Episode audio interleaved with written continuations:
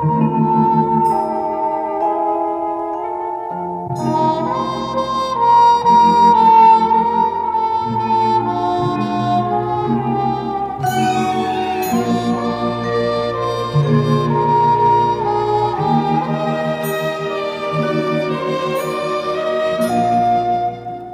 večer, otroci.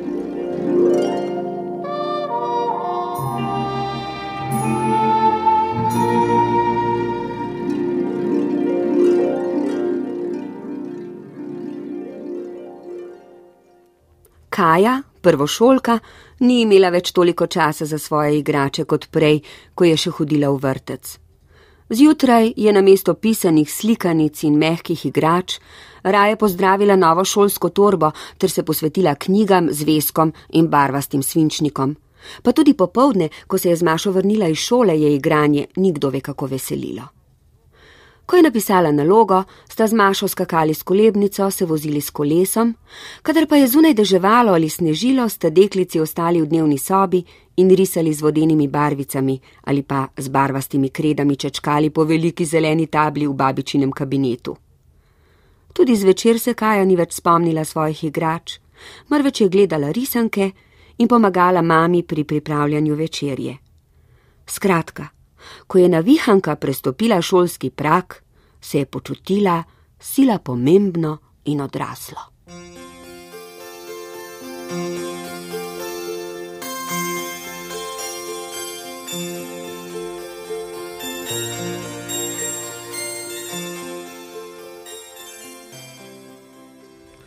Igrače in slikanice so namenjene otrokom in malčkom si je dopovedovala vsakokrat, ko si je potihem zaželela, da bi se spet malce poigrala in se ukvarjala s svojimi pajacki.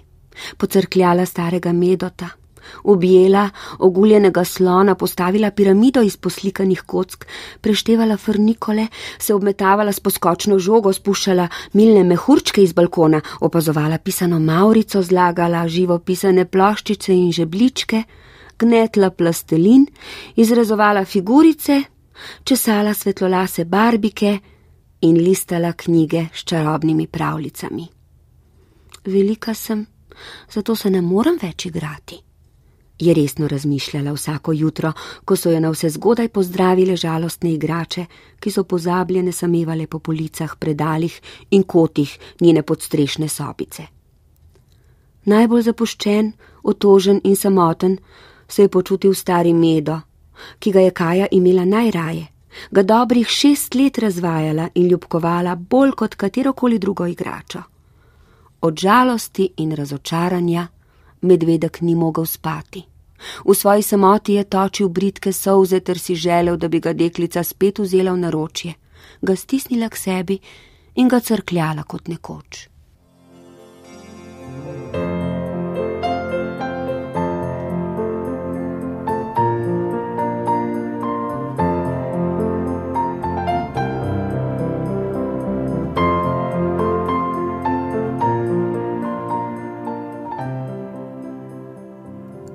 Nekega zgodnjega sobotnega jutra je zbral vse svoj medvedji pogum, se zavihtel na drugi konec sobice in zlezel h kaji v posteljo. Smuknil je pod odejo, se stisnil k njej in jo z objokanim smrčkom rahlo poljubil na okrogla lička. Deklica se mu je pa usno nasmihnila in ga stisnila k sebi. Potem je spet zaspala in se do devetih poigravala z radostnimi sanjami o svojem starem medvedu. Ko se je zbudila, je sredi poznega sobotnega jutra na široko odprla oči in radovedno pogledala proti kotu, v katerem je običajno sameval oguljeni medo. Medo, medo, kje si? je presenečeno zaklicala Kaja in skočila iz postelje. Zaskrbljena je preiskala vse kote, premetala vse predale in pregledala vse police, na to pa pod odejo zakledala smejočo kosmato glavico z okroglimi ušesi. Presrečna je stekla k posteli, zlezla proti zglavju, se nagnila nad ljubljenega medveda, ga pobožala in ga veselo stisnila k sebi. Potem je z njim v naročju odsapljala v kuhinjo, kjer je babica pekla rogličke in kuhala sladko mlečno kavo. Dobro jutro, babi, lahko medo danes zajtrkuje z menoj? Samo danes. Seveda lahko, vsak dan, ne samo danes, ji je smeje odvrnila babica in hitela pripravljati cekar, s katerim se je ob sobotah odpravila po nakupih. Greva lahko s teboj, babi? No pa pojdita, če boste pridna, je babica s hudomušnim pogledom ošvrknila vnukinjo, ki je med zajtrkom navdušeno pestovala pozabljenega sivega medveda. thank you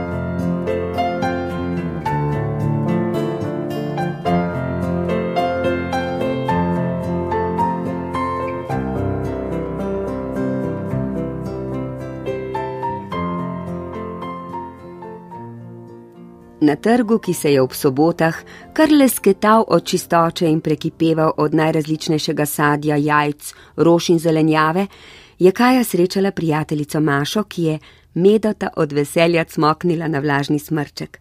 Na to pa ga je za nagrado lahko celo malce popestovala. Kaja je bila silno ponosna na svojega starega medveda, ki je dostojanstveno čepel v njenem naročju in zbujal vse splošno pozornost. Očetje z velikimi košarami so se mu odobravajoče nasmihali. Babice so se ustavljale s polnimi cekarji in se mu dobrikale.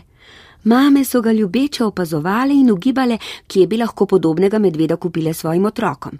Malčki pa so ga božali, občudovali in ogovarjali. Navdušil je celo debelušne rdečelične branjevke, ki so ga glasno hvalile, mu mežikale, ga trepljale po ramenih in ponujale deklici naj pokusi sadje z njihovih stojnic. Ko sta z babico napolnili cekar, sta si morali priskrbeti dve vrečki, v kateri sta zložili jajčka in zelenjavo. Na to pa sta obloženi odšli z trga in se mimo grede ustavili še pri očku, ki je v službi pripravljal nedeljski časopis. O, glej, glej, kdo me je prišel obiskat, medo! se je očka vidno razveselil sobotnega presenečenja. Se sklonil k kaji, ji iz naročja potegnil starega medveda in si ga navdušeno posadil na koleno. Kaj pa jaz, oči? ga je za rokav pocukala deklica. Saj res, ljubica, se je zasmejal očka, jo dvignil na ročje in jo posadil na drugo koleno.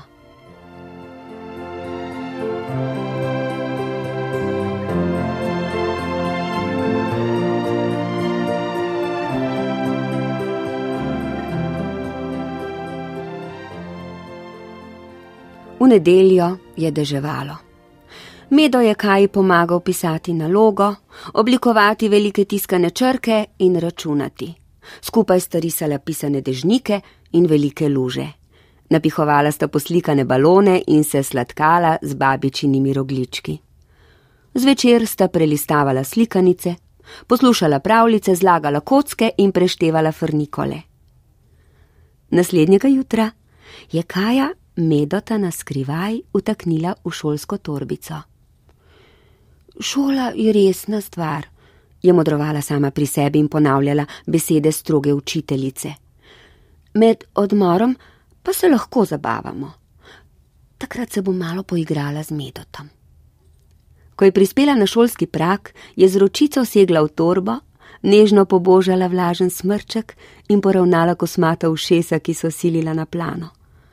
Tudi med poukom ko so se njeni sošolci ukvarjali s črkami in številkami, ki so neobogljivo skakale po tabli, so jim misli neprestano uhajale k ljubljenemu medvedu v veliki šolski torbi z rdečimi ročaji. Vsake toliko se je kar se da neopazno sklonila k torbici, previdno dvignila pokrov in pocrkljala razvajenega kosmatinčka.